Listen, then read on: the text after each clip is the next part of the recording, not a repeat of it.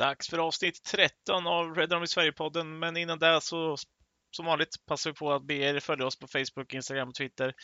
Och framförallt eh, Facebook då för att läsa allt möjligt som rör eh, Manchester United och eh, runt omkring matcher och mycket annat gott. Så eh, följ oss på Facebook, Instagram, Twitter, så kör vi!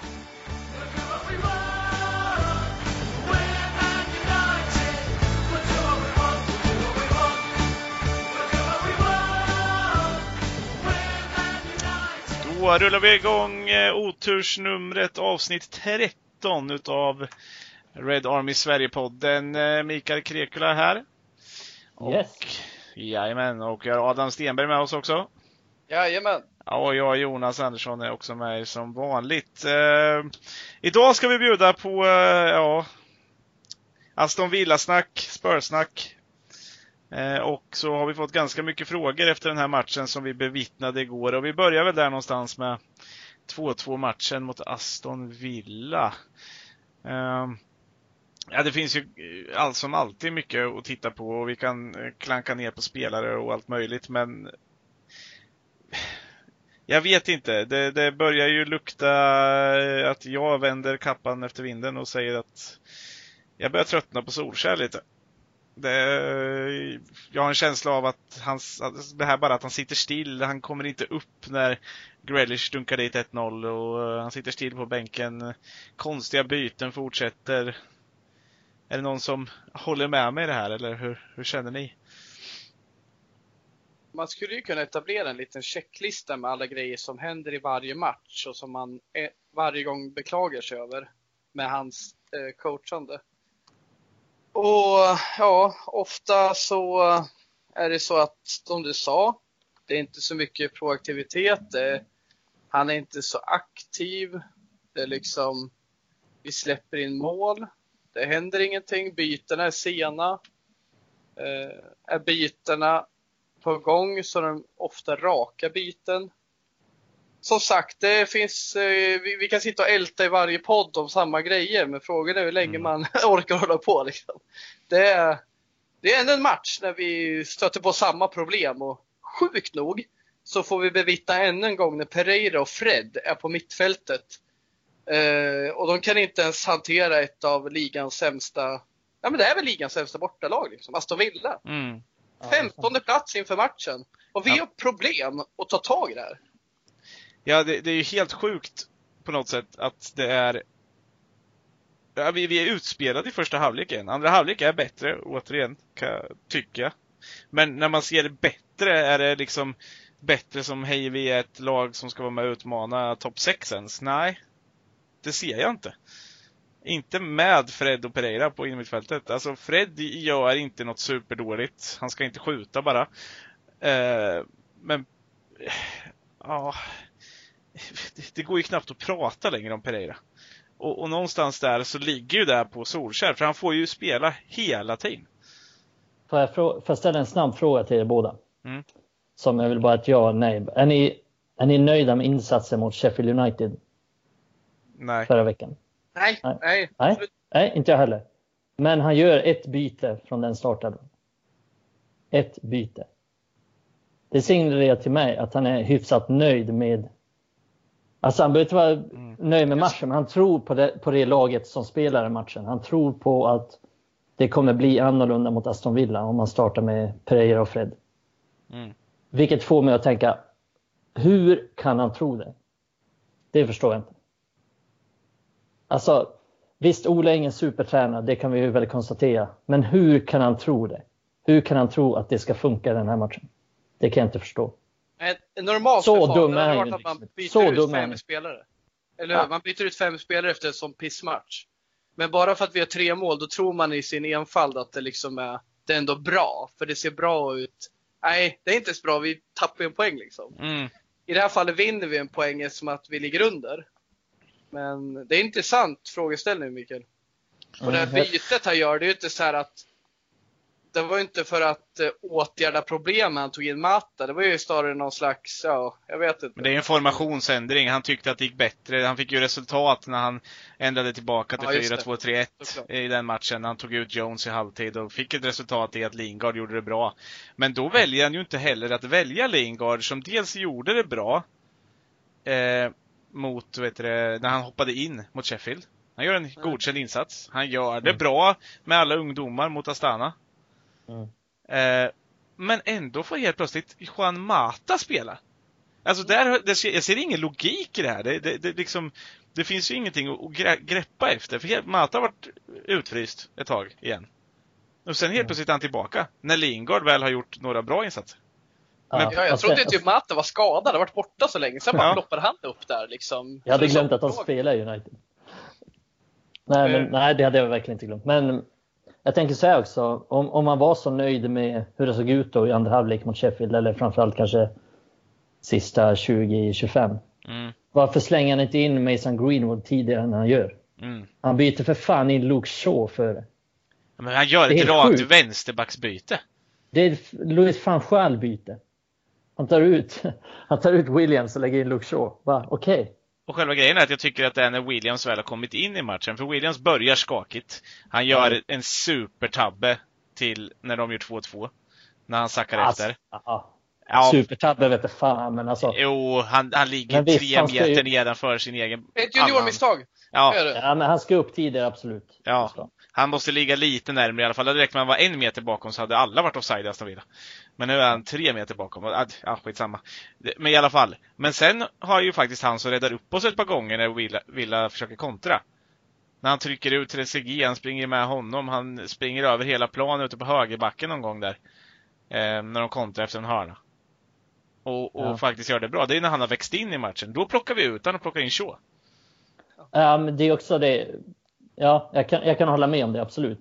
Men jag fattar inte vad det ska göra för effekt. Nej, Okej om man om man tar liksom, jag har inget problem med att han gör det bytet. Alltså, vi har inte supermycket att slänga in, men han kan inte slänga in Luke Shaw för han slänger in Mason Greenwood. När Greenwood dessutom gjorde mål i förra matchen mot Sheffield när han väl kom in. jo. Så han kan inte få åtta minuter i den här matchen. Åtta minuter får han. ja, han får 80 åtta minuter. 82 eller 83 det är någonting sånt. Och Kommer- får hur många minuter då? sjukt. Liksom, Men vad skickar det för signaler till Mason? Alltså, vi, vi behöver göra mål och han väljer en vänsterback före. Jag fattar inte. Och han sitter och säger i intervjuer att vi, man behöver 20 minuter för att sätta en ordentlig prägel som inhoppare. Säger han själv som Mr Inhoppare. Sen sätter han Shaw före. Ja, det är helt vansinnigt. Ja, och det- ännu en gång ologiskt. Byt Mm. ut Williams i halvtid då, om du inte tror på honom och sätt in Shaw eftersom att han haft en dålig första halvlek. När han börjar komma igång. Han har ju faktiskt Trezeguet i sin famn i andra halvlek. Mm. Trezeguet börjar tycka det är jobbigt att spela. Och Williams är lite framåt, sen byter han ut honom. Visserligen ett gult kort, men nej jag köper det inte alltså. nej. Och, Nej. Och, och det är så mycket mer i det här också för att, ja, nu, nu kan det ju vara så att Martial fick en smäll där. Eh, mot huvudet eller någonting sånt. Och att det kan ha varit att de bytte ut honom. Men det känns också konstigt. Är så här, han såg ju inte ut att inte kunna spela. Nej, och då är ju också frågan, hade han inte tänkt byta in Greenwood överhuvudtaget? Alltså det Ja. krävdes en, en skada liksom i 82-83 Ja, då- minuter för att han skulle byta det. Och då tar vi ut en av Så våra det- bästa offensiva spelare så. Nu, alltså, Ja. det- det är också konstigt när vi ska jaga ett mål. Som vi uppenbarligen gör. Och, Han kanske var nöjd med 2-2 hemma mot ligans sämsta bortalag. ja. Så kan det vara.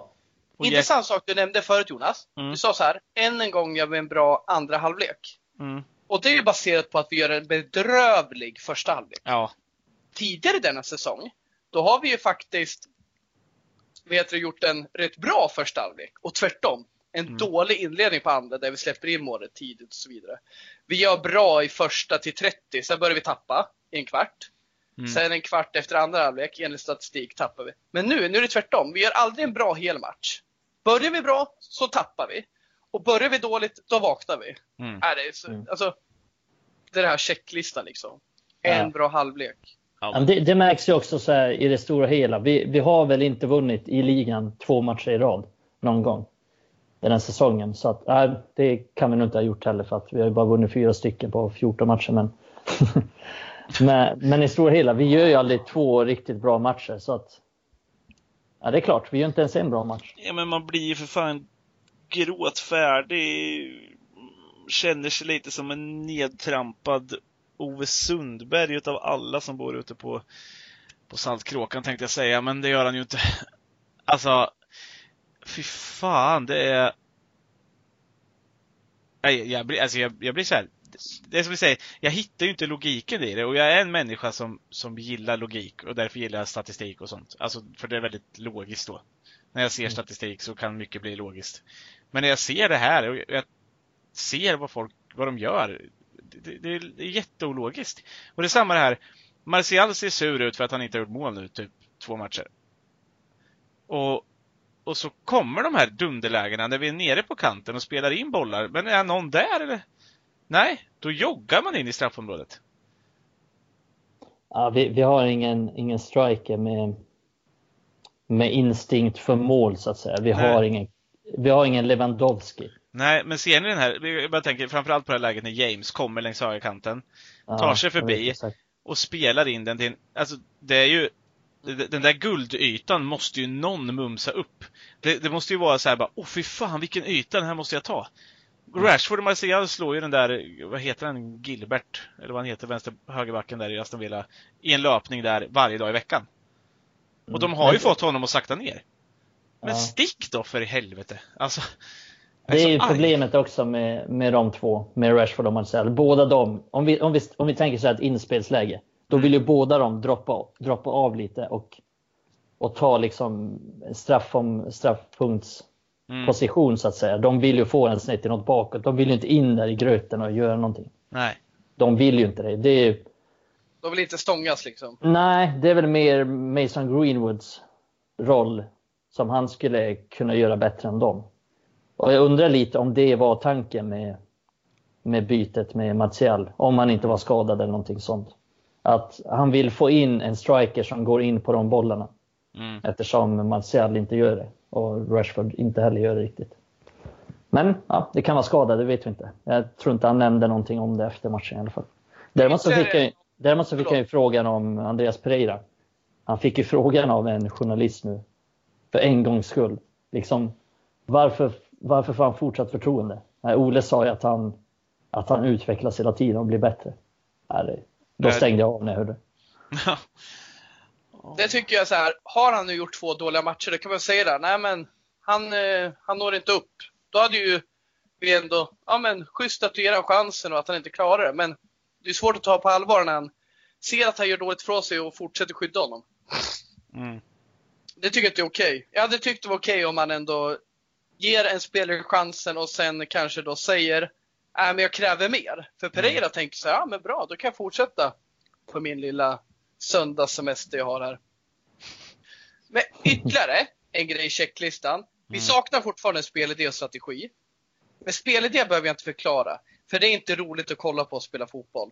Vi, vi, vi liksom spelar runt bollen och det händer ingenting. Och helt plötsligt får vi chans till eh, omställning och då händer det lite grejer och det är då det blir mål. Men det är Mm. liksom inte så att vi bryter ner några lag. Och med strategi, ja men än en gång kan vi älta. Vi, vi liksom, jag hade köpt, om vi gör lite halvdana insatser när man satsar på spelare som Greenwood, Garner och Gomez. Får spela mycket, får utvecklas, men det händer ju inte. Garner och Gomez, såg vi dem i den här matchen liksom? Nej. Som du sa. Mikael, du har fan rätt alltså. Det är ingen jävla jetlag att komma från Astana. Alltså Garner måste ju ändå få speltid liksom, ordentlig speltid. En, Mm. halv, en halv match. Ja, men och vad tänker han när han sitter på bänken och Andreas Pereira får spela igen? Ja, men, och varför har vi två ytterbackar på bänken? Ja, det också.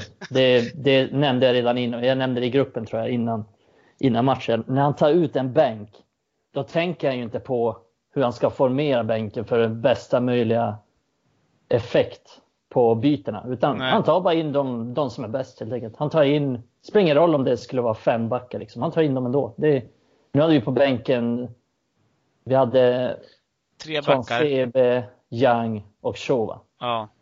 Alla de tre var på bänken. Visst, Transebe, mittbacksreserv. Mm. Young, ytterbacksreserv på båda kanterna. Vad gör Shaw där Mm. i så fall? Och om man tänker byta in vad gör Young där då i så fall? Ja. Det är Ja, liksom, Någon av dem ska ju bort liksom. ja, det är, det är överflöd, vi behöver inte det. Nej, för Det är att helt meningslöst. han har ju täckning för det också. För säg att Young inte Ta är in med. en striker. Ja. ja. men ta in åtminstone Gomes eller något och du har ju Greenwood på bänken. Eh, så, här, så ta in Gomes eller någonting då. Det, jag, jag köper att inte Levitt kommer med, för att Garner täcker den platsen. Mm. Mm. Mm. Eh, men att inte vi har vi har ju ingen som kan gå in och ersätta Rashford eller eh, James egentligen. Vi har ingen som kan bryta mönstret. Nej. Luke Shaw kommer inte in och bry- bryter något mönster. Det är, och inget, inget ont om Luke Shaw i det här. Ja, Jesse Lingard sitter där i och för sig. Men, ja. ja, men alltså inget ont om Luke Shaw i det här avseendet. Utan det är bara han är en vänsterback som aldrig gör mål eller assist. Förutom det är han helt okej. men Mm. annars så, han kommer inte in och förändrar en match. Det är, vi måste ju ha någon, vi är Manchester United, vi måste ha spelare som kan som åtminstone har potentialen att komma in och förändra en match. Mm. Men det Alltså var, mitt, mitt tålamod, måste man säga, mitt tålamod för Solskjaer har alltid handlat om att vi ska bygga nytt, vi ska ha ungdomarna spelandes. Det Mm. kommer få ta tid, men det händer ju inte. Och jag menar, ska vi behöva liksom gå rock bottom för att det ska hända, då känns det ju inte genuint. Han har ju valt nu att premiera spelare som Pereira och Mata före Gomes och Garner. Mm. Alltså ungdomarna spelas ju inte för att Solskjaer nödvändigtvis vill spela dem. Det är ju för att han måste spela dem. Mm. Williams, det är ingenting han ska ta cred för. Att Williams får spela, det handlar om att Shaw blir skadad. Mm. Och det ska vi vara glada för, för Williams har gjort bra ifrån sig. Men det är inga aktiva val han gör som tränare. Du har nämnt det förut Mikael, det, är så jävla rätt alltså. Vi, det är svårt att tro på det här. Det är svårt att tro Mm. på att vi ska göra något nytt. Och visst, det ska få ta tid, men då måste jag ändå se att man bygger på det här bygget. Inte bara liksom lappar det hela tiden med märkliga laguttagningar och märkliga byten. Alltså Greenwood får ju typ aldrig spela, ändå har han ett jättebra snitt. Snittet Ja. baseras i och för sig också på att han inte får spela så mycket. Därför blir ju minuterna jävligt sexiga för varje... Men, men alltså, det håller inte. Och jag har svårt att tro att, skulle jag vara ungdom i det här laget, se vad som sker internt, jag har svårt att tro på det. Och jag kan inte klandra de här som tittar åt andra håll. Jag säger det, man ska kämpa sig fram och man ska jobba. Men när man gång på gång får se det här jävla, alltså, av skiten vi har i matcher, när det inte blir som vi tänkt och, och spelarna ändå inte får tillräckligt mycket speltid, de här unga. Nej, då, alltså jag har svårt att tro på det. Mm. Jättesvårt att tro på det. Ja, det det- finns ju ingen mening med att spela Juan Mata före typ Angel Gomes. Det finns ju ingen mening med det. Nej, men den som inte ser att Mata är slut är ju själv slut. Alltså, Men han har inte gjort en enda poäng. det har inte gjort en poäng. Den Han inte, han är ju för fasen inte skapat en enda bra chans. Alltså tittar man statistiskt. Inte, alltså av alla matcher, han spelar ändå, han har spelat 10 i varenda match han har spelat. Och från den positionen har han skapat noll chanser. Noll. Ja men exakt, det är det som, som Adam är inne på också. Det är, den här ungdoms, det är ingen satsning. Det är bara, vad fan gör Juan Mata där? Det är helt obegripligt att han kommer in från ingenstans. Och det landar ju tillbaka på Ole till slut. Det landar Ja. ju på hans u- Det är hans beslut. Ja, vi, vi är alla kritiska mot Woodward och ledningen och de är Kiss. Mm. De är Kiss.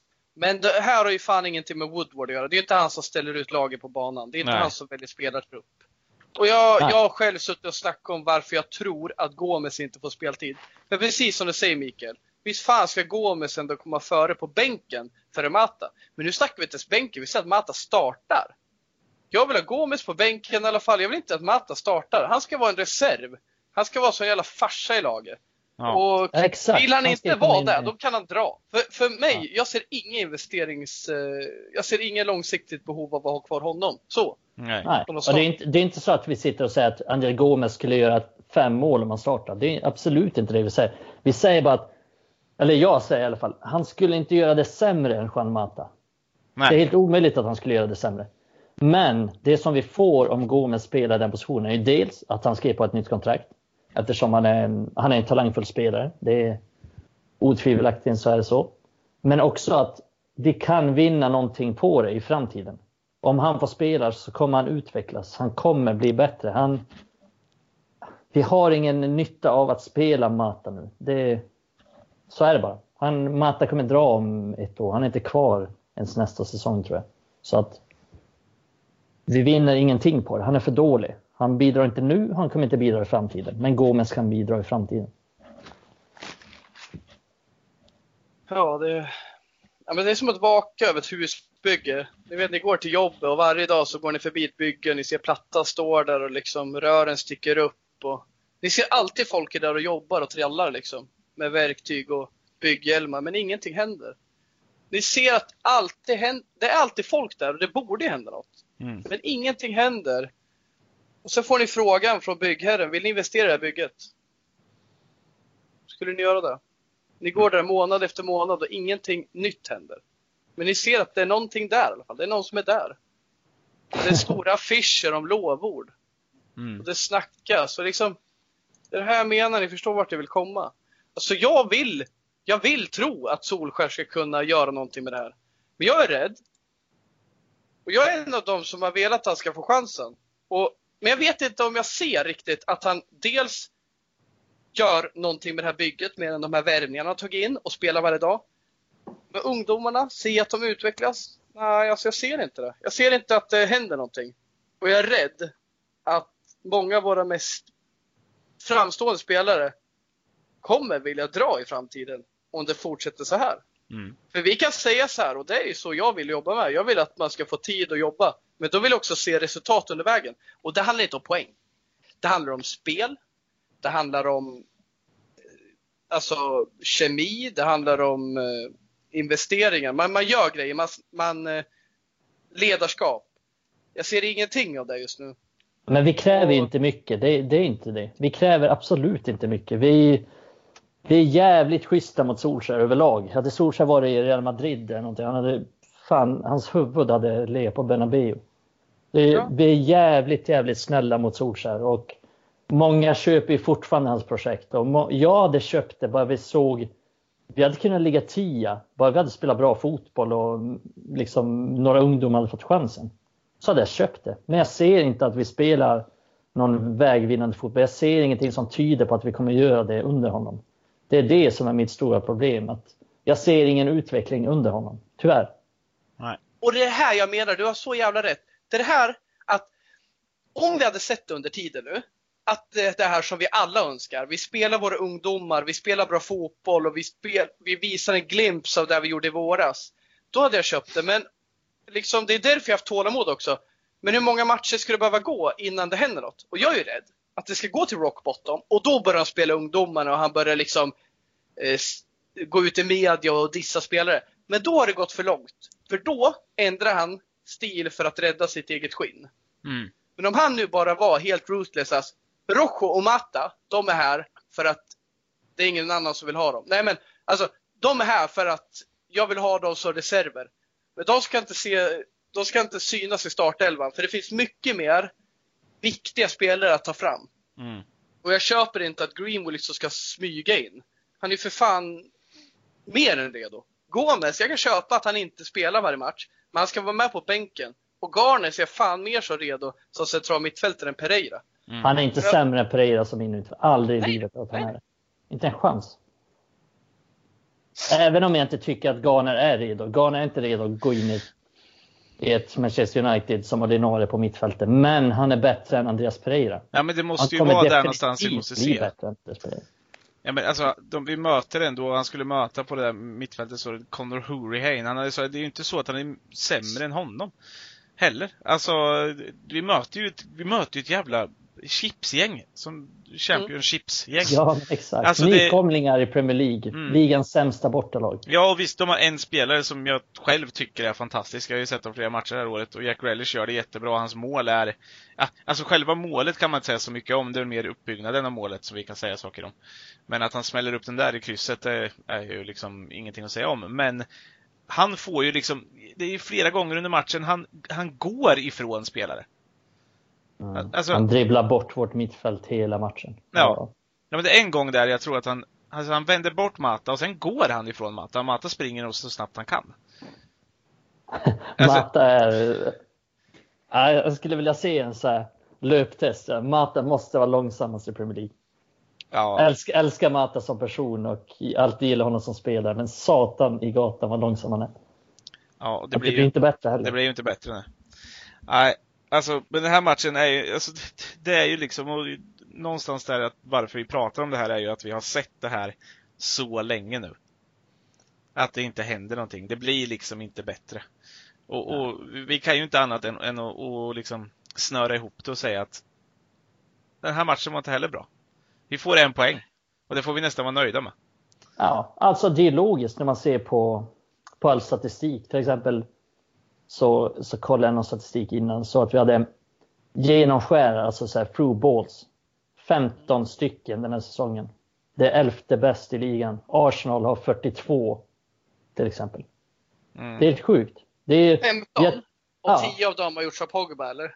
ja, men förmodligen. För Pogba har sjukt nog en av de, alltså de som har skapat flest chanser i United. Trots att han knappt har spelat. Nej, så det är, det är helt otroligt. sjukt. Ja, men vi har ju så här skapade chanser, 23 stycken, alltså stora chanser.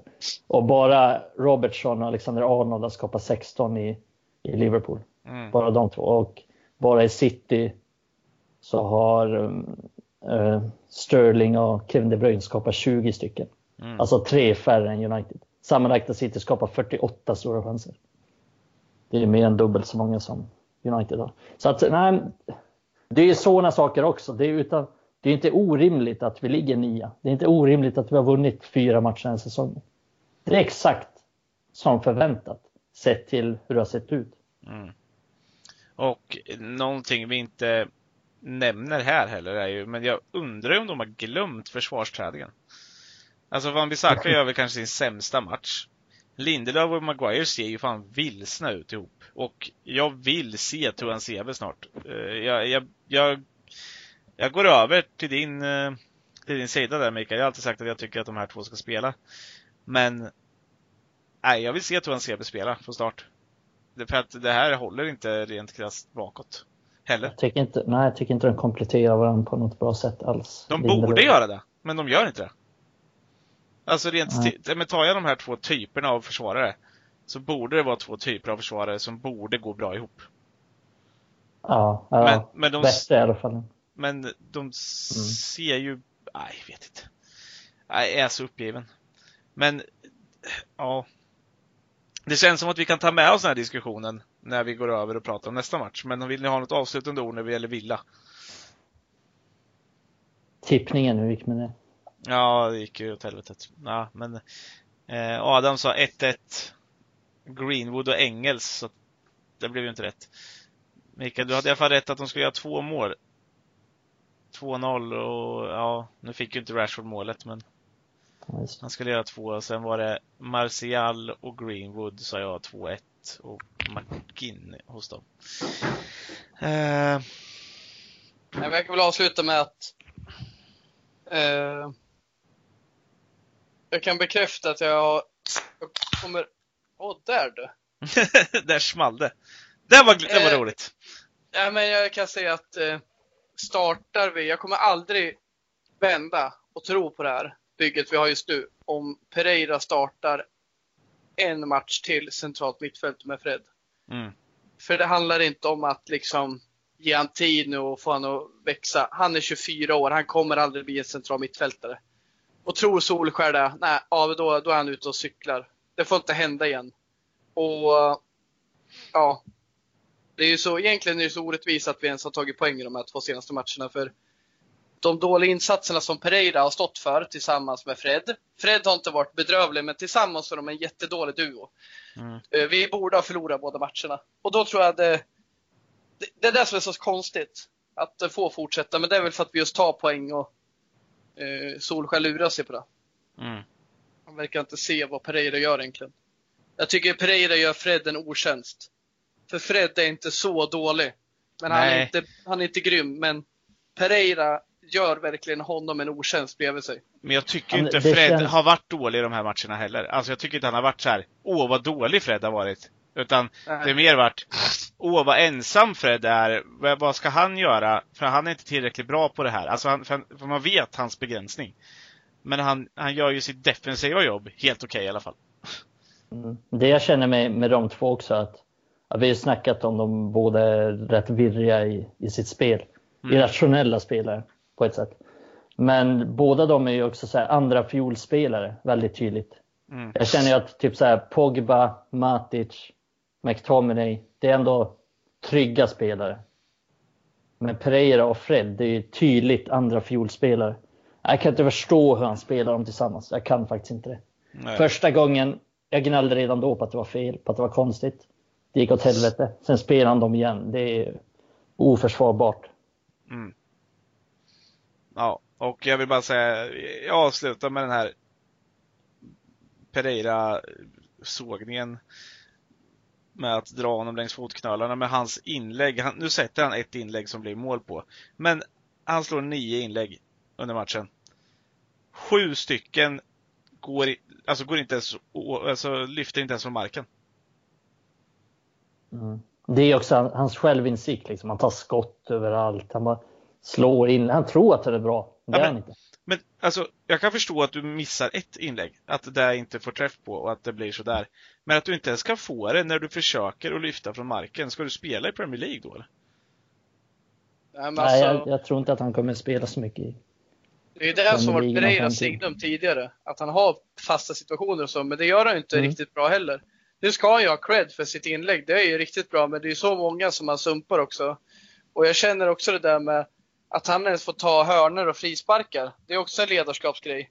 Mm. Jag menar, Phil Jones fick ju ta hörner under Fanchal. Och det, det är liksom, det, det, där vill man ju kritisera Fanchal. Det är inte Phil Jones, för det var ju inte därför vi värvade honom från Blackburn. Jag saknar Fanchal i ja, men alltså Fanchal, han var ju rolig. Det var han ju.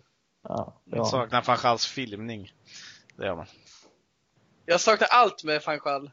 Jag saknar, Nej, insa jag saknar hans insatser på festerna när han liksom står och släpper Ryan Giggs och sånt. Jag tror inte han har så mycket respekt för Ryan Giggs som tränare.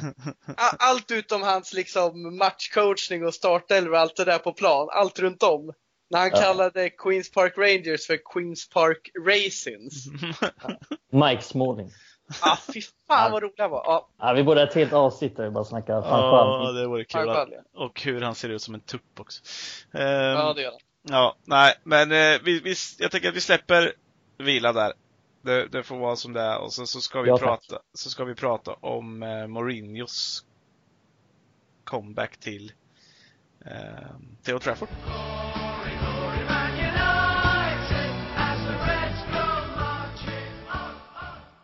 Så som sagt, eh, Mourinho kommer tillbaka till Old Trafford. Men den här gången så tar han med sig ett Londonlag som han ska styra över.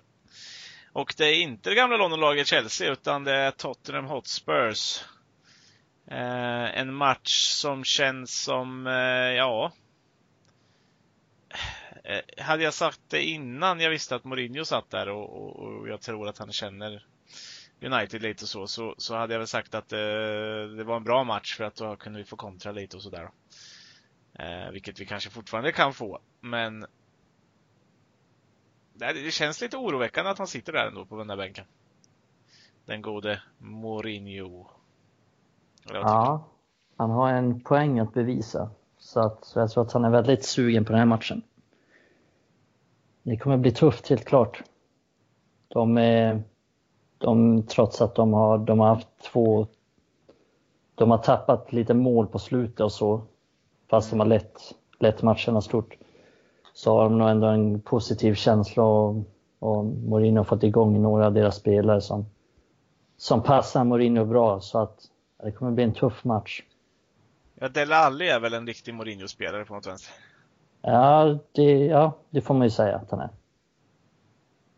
Vi har ju varit rätt negativa nu såklart av anledning av hur det går till i United. Men jag är faktiskt väldigt optimistisk inför den här matchen. Jag har stor respekt för Mourinho. Jag vet att han kommer vara väl förberedd inför den här matchen. Men du nämnde det Mikael, har, de har släppt in lite mål. Eh, de har spelat tre matcher under Mourinho och släppt in sex mål sammanlagt. De har en chipsmålvakt. Dåligt motstånd. Eh, dåligt, men alltså svagt motstånd. I svag form. Dåliga ytterbackar. Ja, precis. Bournemouth och West Ham har ju nyttjat deras svagheter. Jag tycker, ska man se till det positiva då, jag ser att vi har en stor chans att eh, ställa till det för deras försvar. Och det är såklart, backar de hem, då kommer vi ha problem som med alla andra lag. Men när de väl trycker upp och vi får ställa om så tror jag att just deras ytterbackar som du nämner, det är deras stora svaghet. Orier är ju en väldigt medioker högerback. Mm. Men deras främsta problem de har just nu, där Mourinho har laborerat de tre senaste matcherna han har spelat. det har ju varit mot West Ham, Bournemouth och Olympiakos. Och det är att de har haft tre olika vänsterbackar.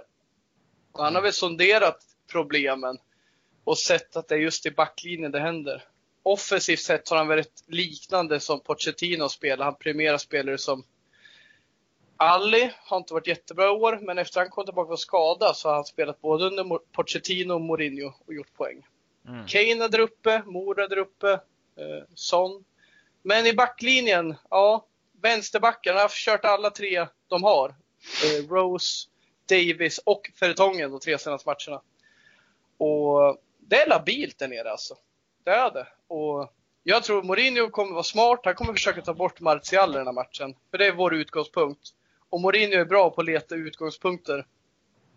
Man har ju mött Chelsea med Mourinho som tränare att ta bort Hazard. Är han smart nu, nu försöker han ta bort Martial. Eftersom så att det är vår utgångspunkt offensivt. Men eh, jag tror att eh, vår irrationella Daniel James kan ha en trevlig eh, kväll på Old Trafford mot deras vänsterback, vem det nu blir. Mm. Mm. Bertongen har ju varit skadad, kommit tillbaka nu senast och, och fått vara med till vänster för han vill ju få in honom på något vis. Mm. Ja, jag, tror, jag tror det kan bli, jag är inte så jävla, jag, jag är rädd för Mourinho såklart. Han är bra. Men deras försvar, det är fan inte bra alltså. Deras innermittfält är inte superbra heller. Nej, jag tänkte säga det. Det kommer ju dit också. Att det är inte heller någon superklass. Och lite som jag sa, jag tycker att deras målvakt är lite chips också. Gazzaniga är ju ingen... det är Ingen su- supermålis. Alltså, det är det inte. Ah, han är ju tydligen sämre än Loris, vilket betyder att han inte är särskilt bra. Nej, då är man riktigt dålig. Och, eh, Ja. nej, men defensivt, då, det, jag tror så här. De kommer nog kunna få in några mål, men vi kommer nog göra minst två mål. Gör vi två mål mot Sheffield United och två mot Aston Villa, vi kommer göra det. Eh, Okej, det där blir lite fel, de är sämre. Men alltså vi, vi kommer göra mot ett dåligt dessutom. försvar i Tottenham. Mm. Jag tror det. Och jag tror att Och det det kan, gäller ju bara att... eh, det Ja. kan nog bli en sån här 4-3 match där. Alltså, skulle det lika gärna kunna bli det. Kane kommer upp i två nickdueller mot Lindelöf och vinner dem. För där kommer, alltså Kane är tillräckligt smart själv, så även om inte Mourinho säger till honom så kommer han ju söka upp Lindelöf. Eh, och om nu Lindelöf spelar, men jag bara ponerar att han gör det för att det känns som att vi kommer få se Pereira på ett innermittfält igen om inte Scott är tillbaka. Uh, och, på det då så, så, eh, så, så känns det som, som du säger att han måste ju typ välja, jag känner så bara att han måste välja Rose. Davis kommer ju inte ha en susning i, i backlinjen om eh, James spelar mot honom. Ungefär som att se när Dan Burn försökte springa ifatt James liksom. Mm. Eh, det känns ju som att den snabbaste utav dem är Rose.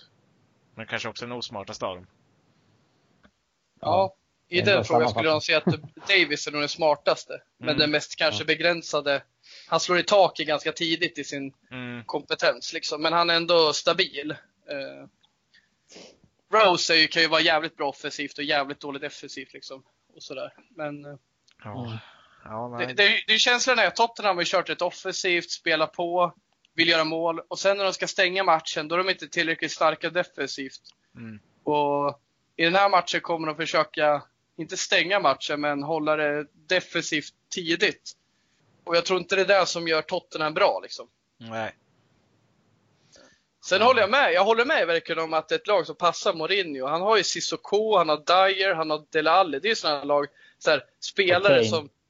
Ja men Kane, alltså, ja, Kane framförallt. Jag, jag vill komma till att sådana här spelare passar verkligen under Mourinho. Jag Mm. vill säga att Kane passar i precis alla tränare, men Absolut. Sissoko... Men Mourinho gillar honom.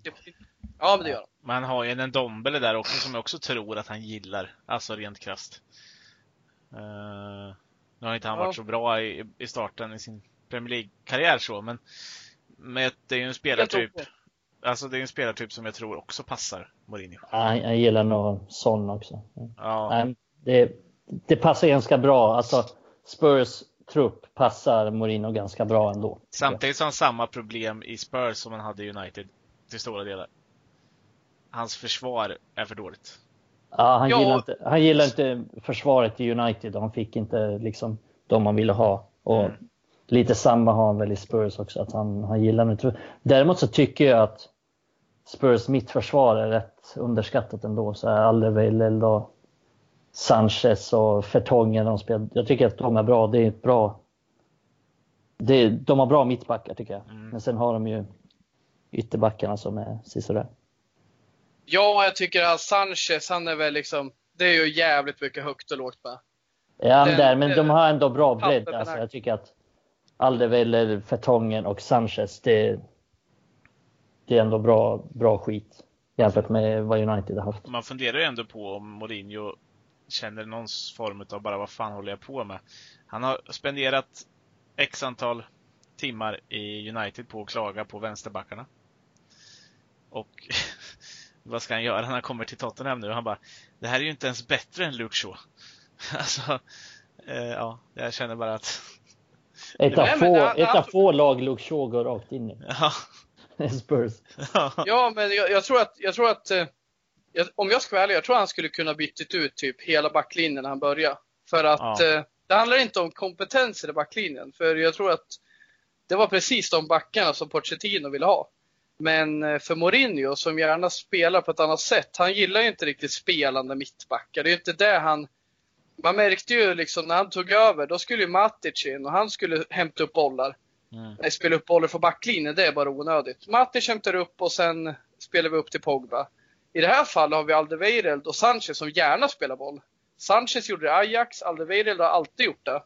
Det är liksom inte de mittbackarna han eh, letar efter på marknaden. Småling var en perfekt mittback för eh, Mourinho. mm, Så det är ju intressant att se vad han liksom... Där, han, där, han, där man får ut mest av hans mittbackar, det är inte det han liksom eh, letar efter i mittbackar. Så vi får ju se vad, vad det betyder i längden. Men hittills verkar det som att försvara funkar för honom. Och eh, ja, frågan är ju... Det troliga är väl att han börjar backa hem. Men eh, det återstår ju att se. Det är ju inte så Tottenham brukar lira. Och vill han det så betyder inte det att det kommer funka att han backar hem. Det är väl lite om vi får se ifall Eriksen startar eller inte. Ja, Startar men han Eriksen kommer inte starta. ja, ja, men jag tänker, vill han gå framåt så startar nog Eriksson. Men vill han inte det så gör han nog inte det. Nej, och det verkar ju som att Danny Levy har sagt det. Mourinho, du får göra precis vad du vill, men Eriksen han spelar inte förrän han har kritat på ett nytt kontrakt. Ja, Men han bytte Eh, väl in Kri- honom då när han bytte Ja, men in? byta in får man göra. Det är ju lite retas lite. Mm. Ja, här får du dina 20 minuter. Christian Ja, men det- Eriksson som Bosse Pettersson. Nej, gillar det Christian Eriksson. Eriksson. ja, men det är, för att, det är för att Bosse vill att han ska vara svensk. Eriksson. Ja.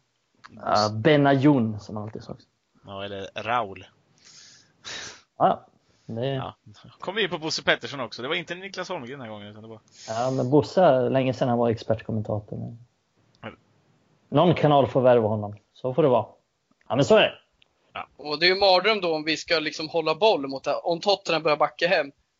Vår taktik måste ju vara att överlåta boll till dem på något vis. Så det får vara någon slags långbollskrig eller rakt spelkrig. Man har ju märkt av det lite. Jag har inte sett Tottenham så mycket, men det jag sett på highlights liksom, det är att mycket av de här bollarna går ju rätt rakt. Mm. Och de siktar på lite längre och det passar ju faktiskt Ali och Son. I, De är också duktiga kombinationsspelare, kanske bäst som det, men när de slår längre bollar. Det här målet som Ali gjorde senast mot Bournemouth, det är ett klassiskt när Alderweireld gjort, eh, slår en passning över backarna till Delali som sätter den på läppen. Jag har inte någon statistik på det, här, men det har väl säkert skett 5 till 10 gånger de senaste fem åren att de, den duon skapar poäng tillsammans på det sättet. Mm. Mm. Men jag tror att det blir en ganska öppen match faktiskt.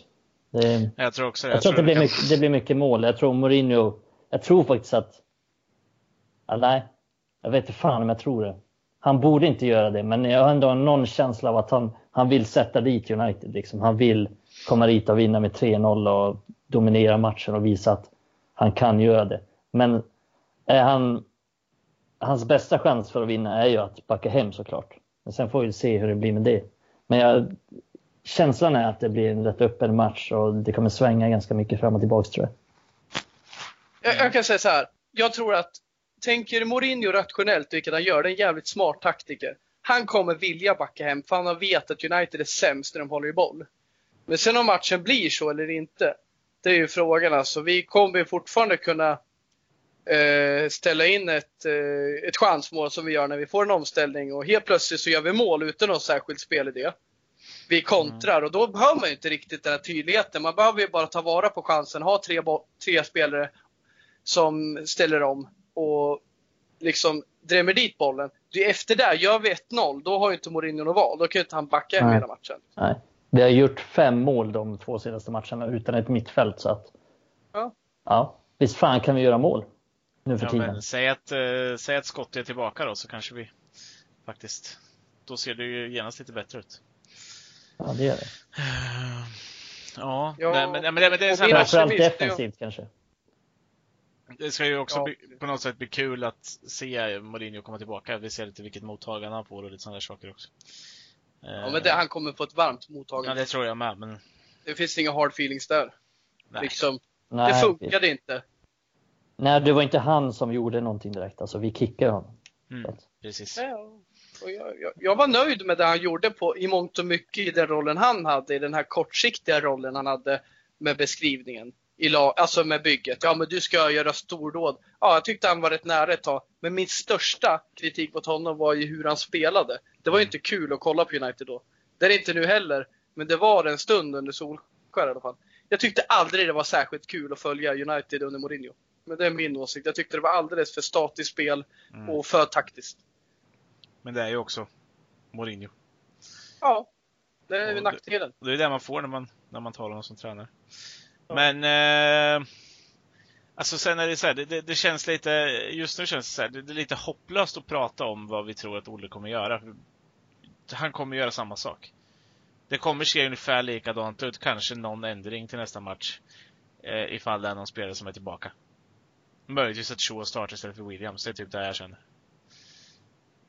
Eh, Ja, den tror jag faktiskt kommer hända. Jag tror han kommer starta så mm. före Williams. Tror jag också. Och det är för att Solskjaer funkar så. Mikael har nämnt det tidigare och det är en bra referens att gå, att komma tillbaka till.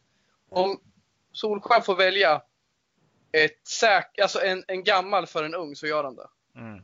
Mm. Du sa det i något sammanhang om man fick välja Young för eh, någon liksom yngling så gör han det. Om det är Ja, liksom alltså, är det, är det 50-50 mellan dem, då, då väljer han den äldre. Den Mm. som han, Ja. han litar mest på, så att säga. Precis. Ehm. ja. Jag får satt och tänkte på om det var någonting annat. Jag trodde de kommer byta ut. Är McTominay tillbaka så är jag rätt säker på att han spelar. Uh, oavsett hur fräsch han är. För honom verkar det ändå som att Solskjaer tror på, eller litar på. Ehm. Eh, och då får vi väl se Pereira som tia igen då. Eller? Ja, han, är McTominay fri så kommer McTominay spela med Fred och så kommer Pereira vara tia. Det låter ganska såklart. Även om jag... Jag hade, jag hade älskat att se, och det är ju inget konstigt, men jag hade ju älskat, alla vill ju se Greenwood. Mm. Men i den här vardagen vi har, vi snackar om det här, att vi har, vi har liksom ingen som, som älskar att vara i straffområde och hugga. Mm. Vi har en Martial som fyller en jävligt god funktion när han, när han eh, kommer neråt i planen med spel i ryggen och levererar åt sidan och en kontring startar. Då skulle jag vilja någonstans att Martial utgår från toppen. Men att Greenwood kommer in som någon slags tia och då från början ser det ut som att Greenwood ska idka tia men att Martial när han kommer ner blir naturligt att Greenwood tar sig in i straffområdet. Eh, ligger på linjen när den här kontringen startar då Martial har mött och levererar boll. Eh, det hade varit eh, det hade varit jävligt spännande att se. Det kommer inte hända för om McTominay är tillbaka då är Pereira 10. Han blir Mm. aldrig petad. Det har vi ju förstått. Ja.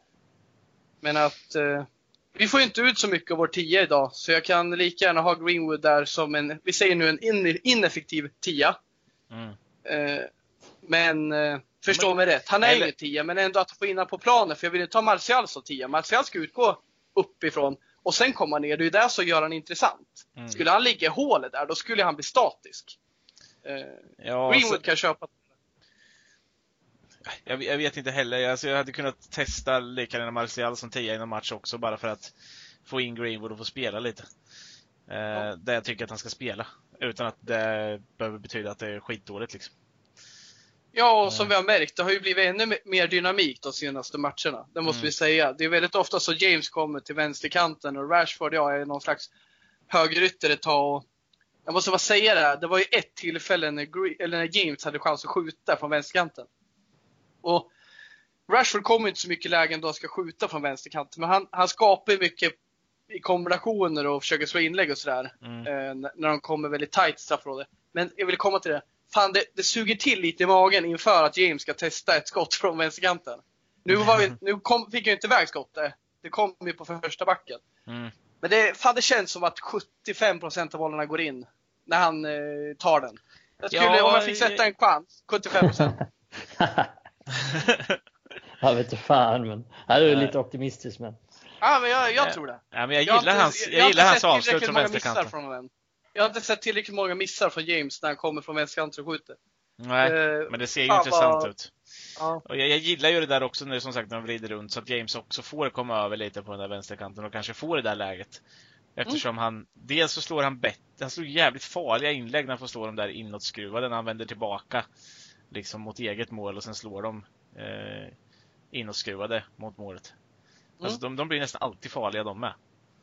Eh, och det, ja. Nej. Mer, mer sånt, mer skifte. För att Mm. det blir ju också så, det blir ju mer skifte när Martial går ner och möter kanske lite längre ut åt högerkanten. Ja, då kliver James in lite samtidigt som Rashford kliver in lite och då hamnar James ute till vänster och sen så helt plötsligt så är de så istället. Och så måste det ju få vara. Eh, måste ju vara lite dynamik där. Det måste ju röra runt lite bland försvararna som inte alltid vet att vi har en statisk, eller lite så här. Nej, jag har alltid en springande James här. Nej, nu, oj, he- helt plötsligt kommer Martial ut här som lurar skjortan av istället. Mm. Men så tycker jag att det ska vara också för att Ja. alla de passar på flera olika platser. Ja, men de gör det ju bra Ja. då också. Ja, Och det ska ju Ja, sägas de- också att de är James är ju bra ifrån sig från höger också när han Mm. kommer. Och Många av våra assist den här säsongen har ju kommit därifrån. Och då blir det så naturligt att Martial och Rashford blir som två forwards när han kommer. Och då gör det ingenting att Martial backar undan lite för att Rashford kommer på bortre Mm. och blir en naturlig avslutare där. Så. Eh, vad tror vi om matchen då? Vad blir, eh, vem vill tippa först? Jag kan ta det först. Jag Mm. tror det blir 3-2. Mm. Jag tror att det blir ett mål från Martial, ett från Rashford och ett från Maguire. Ska han få göra mål för en gångs skull, Maguire? Alltså? Ja, men det måste komma nu. Eh, vad säger Mikael då? Eh, 4-3 United. Ja, Det, jag tänkte. Ja, De, de ser mål. Det är Martial gör två. Sen gör James gör ett och Maguire gör ett. Vi tror på Harry alltså. Maguire. McCure, McCurry. Maguire. Mac, Ja men det roliga, roligaste är ändå, eh, och jag måste ändå skicka ut en pass igen, men är det det mest svårstavade namnet ute i, i fotbollsvärlden just nu eller? Ja, man tycker att några polska namn borde vara svårare, men Ja, Maguire är knepigt enligt, ja men enligt många. jag kan tänka, säkert tänka mig att den människan som skrev Harry McCurry, eh, fast med Curie då, eh, att den människan kan stava till Jakub Blaszczykowski. Eller Thomas Kuszak ja. som var Eller, United. Folk. eller kommer jag inte ihåg Det är så heter. Ah, svårt. Miszewski.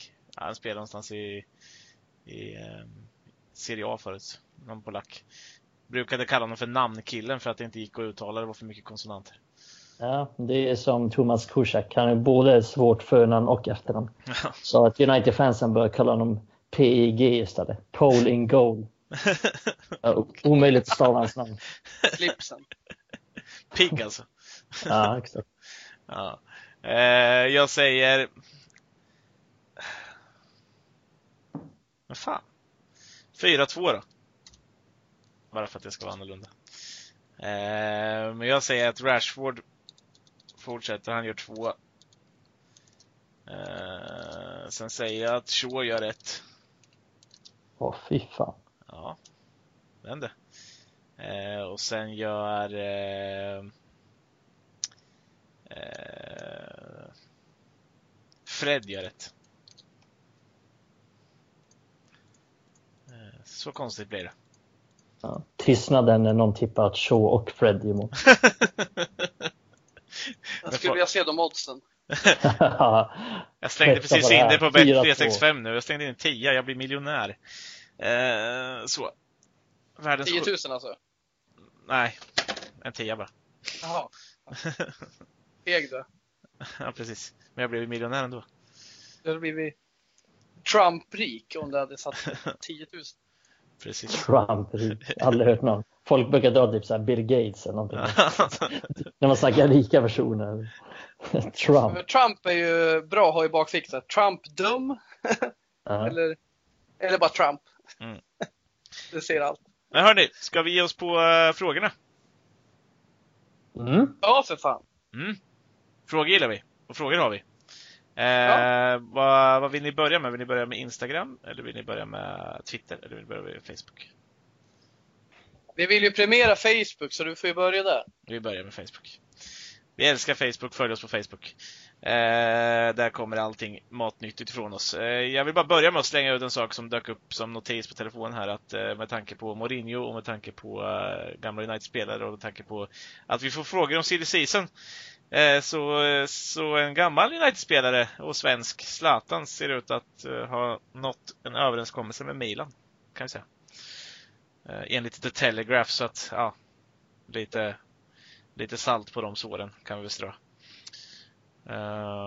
Men vi får ju mycket silly-frågor och det är fortfarande så att vi har inte full koll på det. Så, och det är ganska tidigt fortfarande för att säga att saker är klara och inte. Men eh, vi kan väl ta en här, eh, relativt kort fråga i sig. Men Jonathan Pettersson Strömgren skriver vilken central mittfältare skulle vara ett riktigt kap att värva in i januari? Och ett riktigt kap, ja. Det riktiga kapet försvann väl i Bruno Fernandes när han förlängde sitt kontrakt. Mm. Jag är inte så riktigt säker på hur han definierar riktigt kap. Om man menar om det är Nej, något som är billigt då eller jag, jag tänker lite så. eh, Ja, i och för sig. Ett riktigt bra kap. Ett, Jag kap, tänker, ett ja. kap för mig är ju typ Rakitic. ja men det är exakt han jag skulle nämna. att Det är en spelare som inte borde vara omöjlig att få, som borde vara hyfsat billig att kunna ta in. För han får inte spela så mycket i Barca. Vi, jag, vi har nämnt honom förut också. Det, det känner väl jag att det, det skulle vara en bra, en bra spelare att få in. Eh, duktig, och, duktig både defensivt och offensivt. Lite tvåvägsspelare, rutinerad. Alltså, han är ingen att bygga vidare på så att säga. Men säg Matic ut och han in så är det absolut bra. Mm. Och Då slipper vi sitta där med Pereira på innermittfältet igen i alla fall. Ja, han är ändå en riktigt bra, bra spelare i grunden. Sen har han ju inte fått så mycket förtroende i Barca den här säsongen, men, men har varit jävligt, jävligt bra de senaste säsongerna. Mm. Han Ja, skulle ju vara ett kap sett till köpesumman. Det skulle ju vara billigt. Ja, att han skulle förstärka vårt mittfält också, för att han är klasser bättre än vad Pereira är till exempel. Som är den ordinarie innermittfältaren just nu. Han är väl ändå bättre än de flesta av våra mittfältare. Så. att- Det känner jag. Sen vet jag inte riktigt. Det är klart, får man välja fritt så, så vill man ju ha någon annan också. Någon för fram, med framtiden för sig. Men det är svårt att värva i januari och det är svårt för nionde placerande Manchester United att värva i januari. Annars har vi lite free agents i Darren Gibson och Darren Fletcher. Ja, för fan. Darren Fletcher vore ju kul. Och Michael Carrick. Ja, Michael Carrick skulle göra bättre ifrån Eh, ja, nej. Hoppas att svaret dög där, tänker jag. Eh, jag tror att svaret kan bli Rakitic, om vi ska säga en spelare. En mittfältare. Eh, vi går vidare och det, det är en del frågor också. Jag ska bara se så det inte var någon fler runt just centrala mittfältare. Eh, nej, men vi får ju mycket frågor kring Ole. Vi har pratat lite Ole. Har vi gjort. Men eh, Lasse Lasse Koskianjo ställer till exempel frågan, eh, kommer Ole Gunnar att sparkas om vi tar noll poäng mot Spurs och City? Och bör han sparkas? Eh, och sen samtidigt skriver Gustav Österberg, eh, är det dags för OGS att lämna? Eh, det är lite olika frågor. Den ena är ju sparka och lämna, den andra så. Jag tror ju aldrig att Ole skulle lämna uppdraget själv. Mat så, att säga. Jag, tror, han, jag misstänker att han menar sparkas. Ja, men Jag kan ha fel, men eh, om vi ska se, ta ordet lämna så kan vi väl stryka Ja. bort det. Det kommer inte hända. Eh, Men... Nej, men jag tror att, ja, det är en bra fråga. Jag tror absolut att det finns Noll det poäng finns- och förnedring. ja, Eh, alltså jag säger, alltså säg att vi får stryk. onsdag. 3-0 båda liksom. Då Ja. tror jag att han får sparken. Det tror jag. Ja, det tror jag med. Sen, ja, det beror lite på hur det ser ut också. Det, det kan ju vara att vi dominerar matchen totalt och har lite otur som förlorar. Då tror jag inte att han får sparken. Men Mm. ja, det är svårt att säga också hur de resonerar för att det finns ju inte alltid någon logik i hur Woodward och Glazers resonerar, som vi vet. Men bör han få sparken? Ja, det, det tycker jag. Han Mm. tycker att han borde få sparken redan nu, men så att ja, förlorar han båda dem, då tycker jag fortfarande att han borde få sparken. Och då kan vi bara, Adam får bygga vidare tänker jag. Eh, För Bessart Hassani skriver samtidigt här också då att om Ole får gå efter denna vecka, vi säger att det händer då, ponera att det händer. Vilken tränare vill ens ta över med denna trupp? Jag är absolut övertygad om att det blir ett naturligt steg för Pochettino som var erövrar den engelska fotbollen på sitt sätt. Han har tagit rätt små resurser i Southampton och gjort det till guld.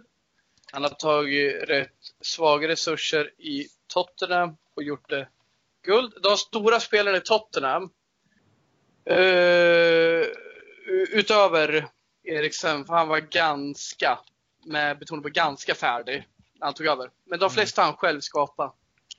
Han skulle kunna ta över där. Och han skulle se det som en jävla mysig grej om han fick samma förutsättningar som Ole och bygga något nytt. Mm. Och jag tror att han skulle ta tag i den här spaden rejält och börja bygga från grunden. Ordentligt. Mm. Och det har Solskjaer gjort delvis med sina värvningar, men inte vad jag anser i sin idé han bygger nu. Jag tror att eh, Pochettino är redo att ta över. Om Ja. vi får för oss att fimpa Solskjaer. Det som är grejen med Pochettino är att han, han skulle fortsätta på det jobb Ole, Ole har gjort. Liksom satsa på, för det har ju trots allt Ole gjort till någon viss del. Alltså han har, han har fimpat de som inte har någon framtid och han har ändå spelat en del ungdomar. Liksom han, han tänker lite nytt och fräscht. Och, och den planen tror jag att Pochettino skulle, skulle fortsätta på. Men det som är skillnaden är att Pochettino skulle coacha laget mycket, mycket bättre än Ole. Det är det som är den stora skillnaden. Så att jag, jag skulle inte tveka på att ta in honom. Nej, och det skulle inte kännas förgäves det vi har påbörjat bara för att Pochettino skulle ta över. Det skulle bara Nej. accelerera tror jag. Ja men exakt, det är inte som att vi tar in Mourinho eller som bryr sig noll om det. Jag tror ändå att Pochettino är en sån som, han har gjort det i Spurs och han har gjort det ganska mycket i SA-15 också. Han är ju införstådd med hur, om man tar jobbet så är han införstådd med hur United som klubb vill gå framåt. Mm. Och jag tror att han, han skulle göra ett sånt jobb. Han skulle fortsätta på det jobbet. Det, det är så han vill bygga också, tänker jag. Jag tänker pausa det här bandet nu och sen den dagen det händer, om det händer, att Pochettino tar över. Då kan vi sitta och rättfärdiga då vad han har gjort i de klubbarna han har varit i. Mm, Och det är ganska också lätt att stirra sig blind på lite vad som inte gjorts och det han gjort. Men det han gjort med Southampton och det han gjort med Tottenham, med deras talangfulla spelare och deras befintliga spelare som behöver lite klapp på axeln och lite uppskjut sin karriär. Det kommer vi nämna då det finns jävligt mycket att snacka om där. Mm. Extremt mycket. Ja, det får vi utveckla sen om det blir aktuellt. Absolut. Ja, och vi, får, vi kan väl ändå säga att vi svarar lite på Andreas Bergberg här också, för han skriver Vem tror ni skulle passa som tränare för United om Ole får sparken? Och det är väl också Ja. Ja, det är väl han eller, eller Allegri som känns lite aktuella. mm. Men Men jag tror inte Allegri Ja. skulle passa. Nej, alltså han passar inte lika bra. Han är mer, tänker jag, som en kortsiktig Mm. lösning. För att jag tror att han skulle coacha laget ganska bra. Men sen skulle han inte bygga laget på samma sätt som Ole eller Pochettino skulle. mm.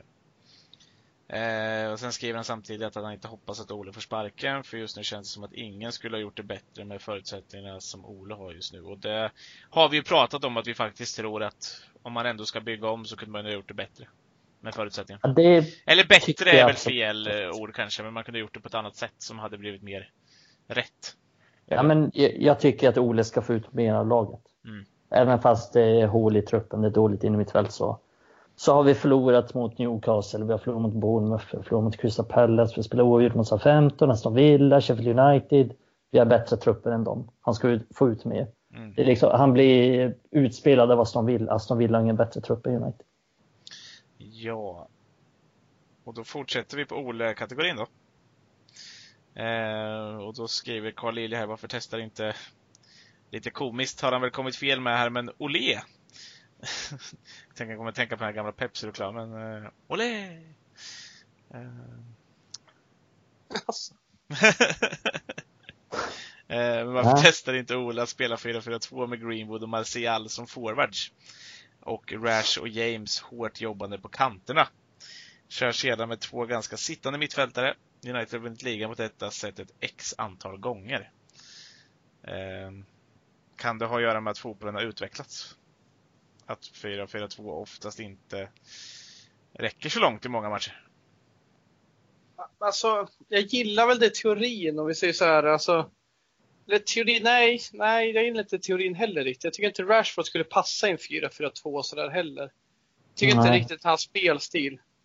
Jag tycker inte det. Jag tycker det som en av två spelare längst upp. Eller som en av tre spelare. Men just det där, det kräver mycket defensivt jobb.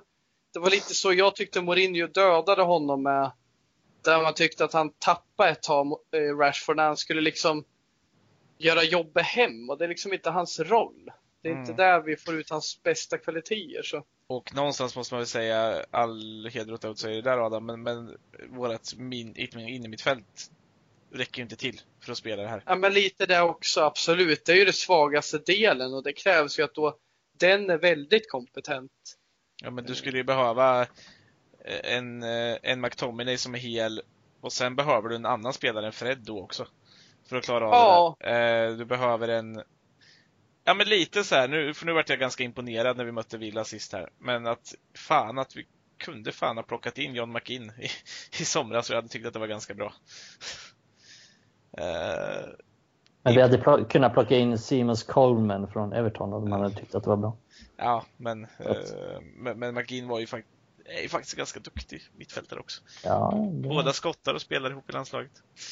Eh, Ja, men han, han hade gjort bra ifrån sig som vi är nu. Och det säger Ja. ju lite också om hur Mm. dåliga vi är. ja, men absolut, han är en bra spelare, men han skulle ju också begränsa oss. Men jag förstår vad du menar. Ja, men Ja. jag förstår vad jag menar. Att vi, vi Ja, ja, så han är ju bättre än Pereira. Han är kanske till och med bättre än Fred. Ja, men det är han. Han är bättre än Fred. Han är Mm, bättre än Fred som det ser ut nu. Han har inte högre toppar än Fred, men han är jämnare än Fred. mm, Och så spelar han ett bottenlag och då får man göra misstag. Men inte United, om man vill ligga i toppen. mm. Nej men det är ju Eh. min tanke, du har helt rätt. Mittfältet då, eh, McTominay, men Pogba, var ska han in i den? Jag ser det inte riktigt och Mm. eh, do- dock har jag tänkt tanken men det är svårt att få ihop det med dagens material. Det Mm. är alldeles för svårt. Eh, Samtidigt kan man ju inte knappt se att vi kan spela en 4-2-3-1 heller. Eh, Det, det ser i alla fall på pappret mer logiskt ut. Ja, för där skulle vi liksom kunna som sagt, Greenwood kanske inte optimal men vi skulle kunna få in han där på något vis. Mm. Gomes, vi har fan inte ens testat den här säsongen och jag säger det, Nej. jag köper om vi inte vill att han skulle bli mördad mot Sheffield Uniteds tre centrala mittfältare.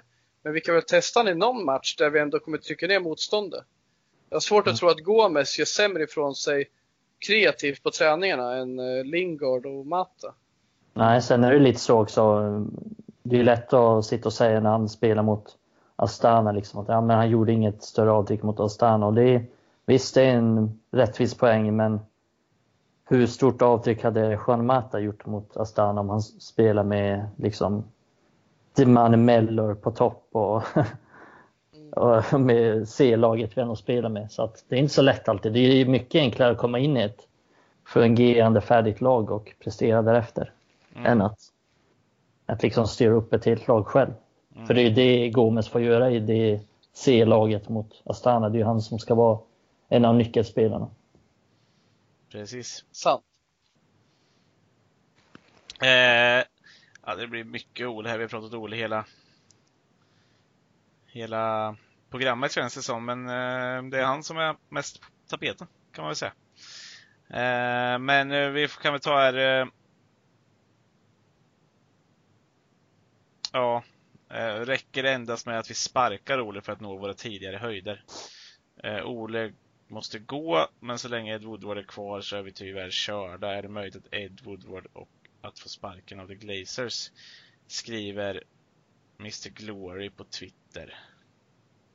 Ja, men så är det ju. Det är, det är klart. Att bara sparka Ole löser inte alla problem. Det är, vi har ju fortfarande en, en ledning som där Glazers och, och Ed Woodward figurerar. Mm. Så att det, det, kommer inte lösa alla problem. Men vi kommer ju bli bättre om vi sparkar Ole och tar in typ Pochettino. Men det kommer inte lösa allt, det kommer inte. Vi måste fortfarande in en, en sportchef som, som värvar spelare. Som, vi måste få lite struktur i klubben. Och, nej, de visar inget tecken på att de har någon ambition av att fixa det. Nej, Woodward och, och, och Glazer. Så att, och så att visst, kommer inte sparka Woodward heller. Nej. Om man lägger ihop uh, spelidén som Solskär inte har visat och hans matchcoachning. Om vi lägger ihop det i kalkylen och sen får vi in en ny ägare som pumpar in ambitioner och lite eh, rätt riktlinjer så tror jag ändå inte att Solskär skulle höja oss. Nej.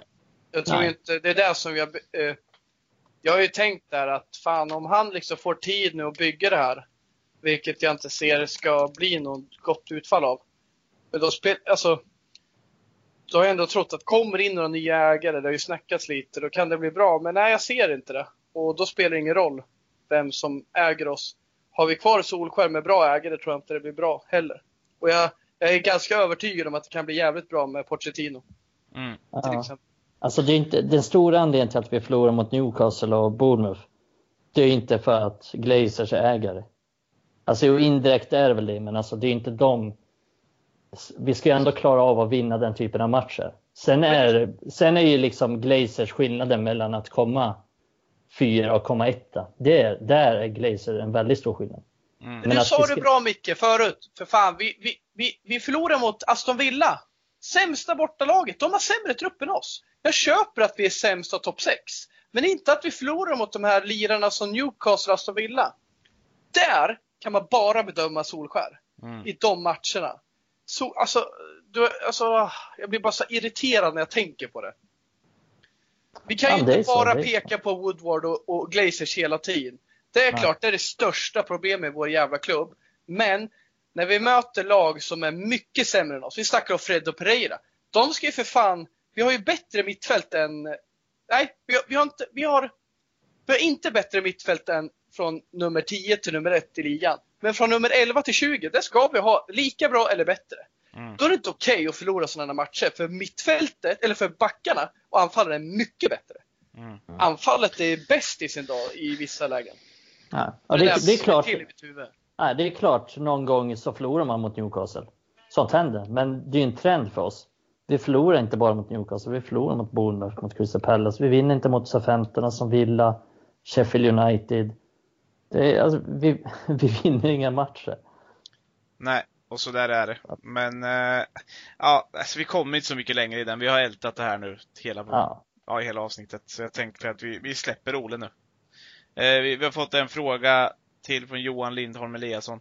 Eh, här på Facebook. Eh, vad är det senaste kring Håland? Skriver han på för United eller inte? Eller kanske finns eller det kanske finns bekräftade dementerade nyheter någonstans.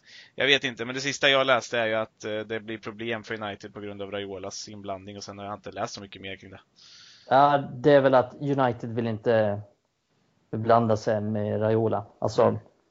man vill undvika det helt enkelt. Och det är, ja, och det, det är väl rimligt att förstå varför. Men, det har väl varit tyst att, efter det där, tänker jag. Ja, det, jag tror inte att det händer inte så mycket just nu. Nej. Eh, och sen eh, mannen på Twitter som får Adam Stenberg att eh, bli avundsjuk på grund av hans namn. Eh, Obi-Wan Bisaka. Ja, vilken jävla kung. eh, applåder på namnet. Eh, han har frågan om Freds vara eller icke vara. Och hur eh, Pereira lyckas få chansen, chans efter chans trots usla prestationer. Och ja, Pereira har ju varit inne på, men Fred svarar lika vara... Uh, ja. Ja, det känns ju skönt att vi har en mittfältare som kan spela fotboll någorlunda i alla fall. Så. Ja. Ja, han, alltså det är han... inte aktuellt att göra någonting med, med Fred just nu. Sen kan han ju bli ett problem längre fram eftersom han har inte varit skitbra i United, men just nu så är han ju den bäst pålitliga mittfältaren vi har. Mm som är frisk. Så att just nu är han, ja, han är given i startelvan just nu, men sen kan det ju bli aktuellt längre fram om man, in, Om han inte höjer sig, för det måste han trots allt göra. Han måste höja sig och hitta en, en jämn nivå, det har han inte riktigt gjort än. Mm. Ja, jag, jag, såg, jag sa det för några poddar sedan att jag vill se hans stora prov. Då nämnde jag Sheffield United, jag nämnde Aston Villa. Vilket vi har sett nu, men jag vill ändå inte säga att det är ett rättvist prov med tanke på att han har spelat med Pereira. Men jag vill fortfarande ja. se, han har gjort bra ifrån sig, tycker jag, trots att det varit riktigt dåligt. Eller bra, han har inte gjort tok bort sig och han har haft det tufft bredvid Pereira. Men jag vill se han i en match där vi har McTominay och Fred mot ett lågt liggande försvar. I några matcher. Jag tycker ändå han har skött sig helt okej okay nu och ja, men han vill jag avvakta lite med. Mm. Det ser ändå okej okay ut nu.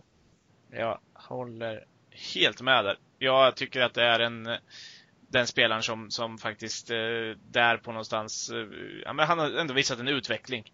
Alltså jämfört med Pereira så visar han ändå utveckling som sagt. Det är precis som du säger Adam. Eh, det går inte att säga emot utan det, någonting kan ju finnas där. Och just nu så är han alldeles för dyrbar för att släppa någonstans. Så att han blir kvar. Och han ska vara kvar. Mm, mm. Mm. Eh, där får vi avrunda. Mm. Eh, helt enkelt. Eh, gött snack idag, igen. Alltid lika trevligt. Eh, får vi se vart det här landar på onsdag. Eh, och eh, får se hur det går vidare för vår kära Solskär och vårt kära United. Men eh, jag tackar er för att ni har lyssnat även idag, så eh, hörs vi nästa gång.